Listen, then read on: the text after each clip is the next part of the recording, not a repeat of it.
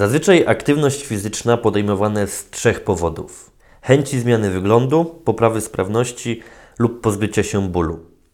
Nawet jeżeli Twój cel należy do jednego z wymienionych, chciałbym nieco rozwinąć i przybliżyć zmiany zachodzące w Twoim organizmie pod wpływem regularnej aktywności fizycznej. Zaczniemy sobie od mięśni, bo myślę, że to właśnie je mamy na myśli zazwyczaj jako pierwsze, gdy wspominamy o treningu. I słusznie, bo gdyby nie ta tkanka, nie bylibyśmy w stanie wykonać żadnego ruchu. W zależności od rodzaju wysiłku i odpowiedniego zaplanowania go, możemy doprowadzić do licznych zmian, takich jak wzrost poziomu siły, zwiększenie przekroju poprzecznego włókien mięśniowych, zwanych hipertrofią, czyli w prostych słowach wzrostu jego masy, zwiększenie zdolności mięśni do długotrwałego, do długotrwałego wysiłku, e, czyli wytrzymałości lub generowania mocy. Warto pamiętać, że to innymi układ mięśniowo-powięziowy jest odpowiedzialny za postawę naszego ciała i sposób ukierunkowany jesteśmy w stanie na niego wpłynąć. Jeżeli więc uważasz, że Twoja sylwetka odbiega od normy, nie jest to coś, czego nie dałoby się zmienić. Regularna aktywność poprawia ukrwienie mięśni, gwarantując ich lepsze odżywienie, tym samym usprawniając wydalanie produktów przemiany materii. W zależności od rodzaju treningu powstają konkretne enzymy usprawniające wysiłek. Na pewno kojarzysz sytuację, w której mięśnie wręcz paliły, uniemożliwiając dalszą pracę. To właśnie dzięki wspomnianej adaptacji jesteś w stanie przyspieszyć czas potrzebny do kontynuowania wysiłku. Wzrasta również ilość magazynowanego paliwa, a więc glikogenu i fosfagenów.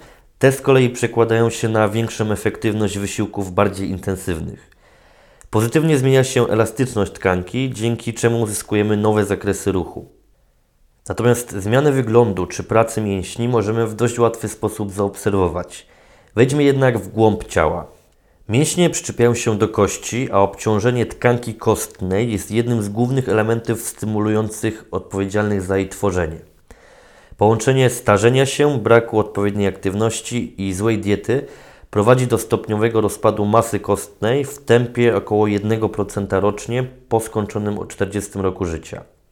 Warto wiedzieć, iż kości są regularnie przebudowywane w procesie usuwania starej tkanki kostnej i zastępowania jej nową. Dzieje się to za sprawą osteoblastów i osteoklastów. To są takie komórki budujące. Trening siłowy w sposób znaczący przyczynia się do ich stymulowania, budując zdrowe i silne kości. Wywiera on również korzystny wpływ na siłę i elastyczność ścięgien. Myślę, że ta informacja będzie istotna nie tylko dla sportowców, ale także dla osób trenujących amatorsko czy będących w starszym wieku, chcących uniknąć kontuzji.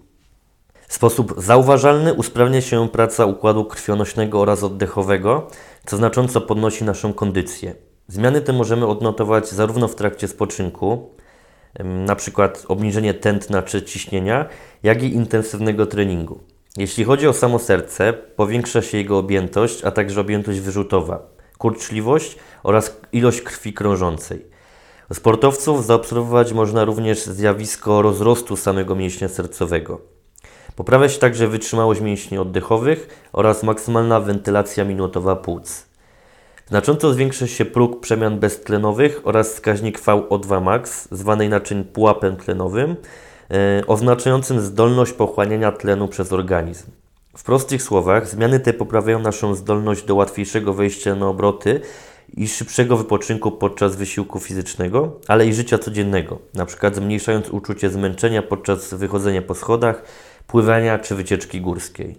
Przy okazji dzisiejszego odcinka chciałbym polecić Wam książkę, którą ostatnio dorwałem. Jej tytuł brzmi Gdyby nasze ciało potrafiło mówić, podręcznik użytkowania autorstwa doktora Jamesa Hamblina. Jest to taka popularno-naukowa pozycja wyjaśniająca czasami dziwne zasady pracy naszego organizmu.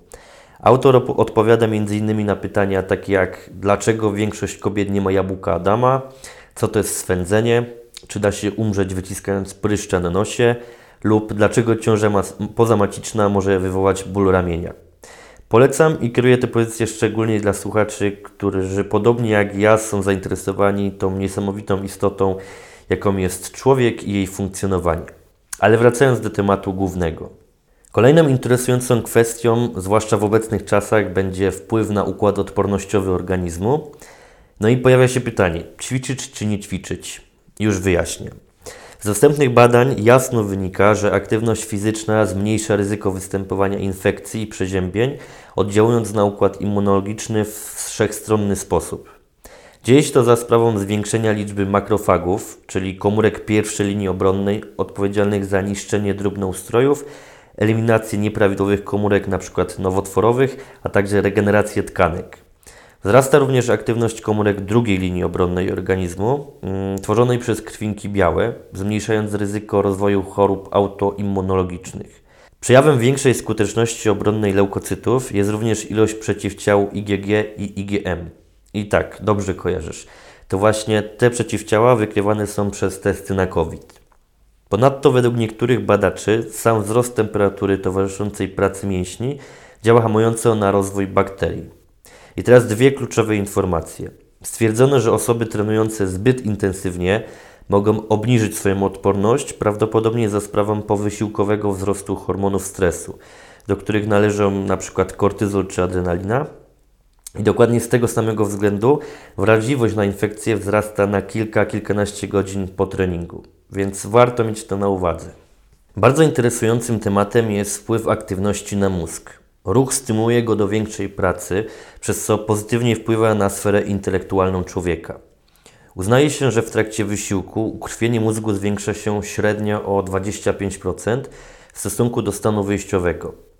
Osiągamy to głównie podczas ćwiczeń tylnowych, np. biegania, spaceru, jazdy na rowerze, silnie oddziałujących na układ krążenia, które przyczyniają się do zwiększonego przepływu krwi przez mózg, a tym samym jego dotlenienia i dostarczenia substancji odżywczych. Pod wpływem regularnej aktywności fizycznej dochodzi do licznych pozytywnych zmian.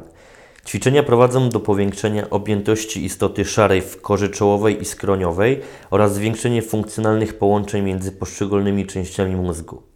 W trakcie ruchu w mózgu produkowane jest również specyficzne białko, tzw. BDNF, które odpowiada za regenerację starych i powstawanie nowych komórek nerwowych. Tworzą się również nowe połączenia nerwowe, a także usprawnia aktywność tych już istniejących. Regularne ćwiczenia stymulują specyficzny obszar mózgu zwany hipokampem, odpowiedzialny w głównej mierze za procesy związane z pamięcią i uczeniem się. Wzrasta poziom stężenia neuroprzekaźników, takich jak dopaminy, serotoniny, noradrenaliny, Substancje te wpływają na poprawę samopoczucia, ale również silnie oddziałują na funkcjonowanie poznawcze człowieka, przyczyniając się m.in. do wzrostu poziomu motywacji. Po wysiłku fizycznym w mózgu wydzielane są endorfiny, zwane także hormonami szczęścia, które to odpowiedzialne są za poprawę nastroju i redukcję stresu. Jak widzisz, najczęstsze pobudki do trenowania może są ważne, ale spektrum działania i pozytywnych zmian, które mają miejsce, jest ogromny. Tym samym mam nadzieję, że udało mi się uświadomić i skłonić Cię do trochę szerszego spojrzenia na swój organizm. Nie samym wyglądem czy wynikami sportowymi żyjemy i uważam, że to nie one powinny być główną motywacją. Nie wspominając już, że powyższe adaptacje skutecznie chronią przed przedwczesną śmiercią czy popularnymi chorobami cywilizacyjnymi. Jeżeli odcinek przypadł Ci do gustu, zaobserwuj mój kanał, aby być zawsze na bieżąco. Standardowo zapraszam również na mój Instagram, do którego link znajdziesz w opisie. Będę wdzięczny za udostępnienie materiału. No i co? Do usłyszenia!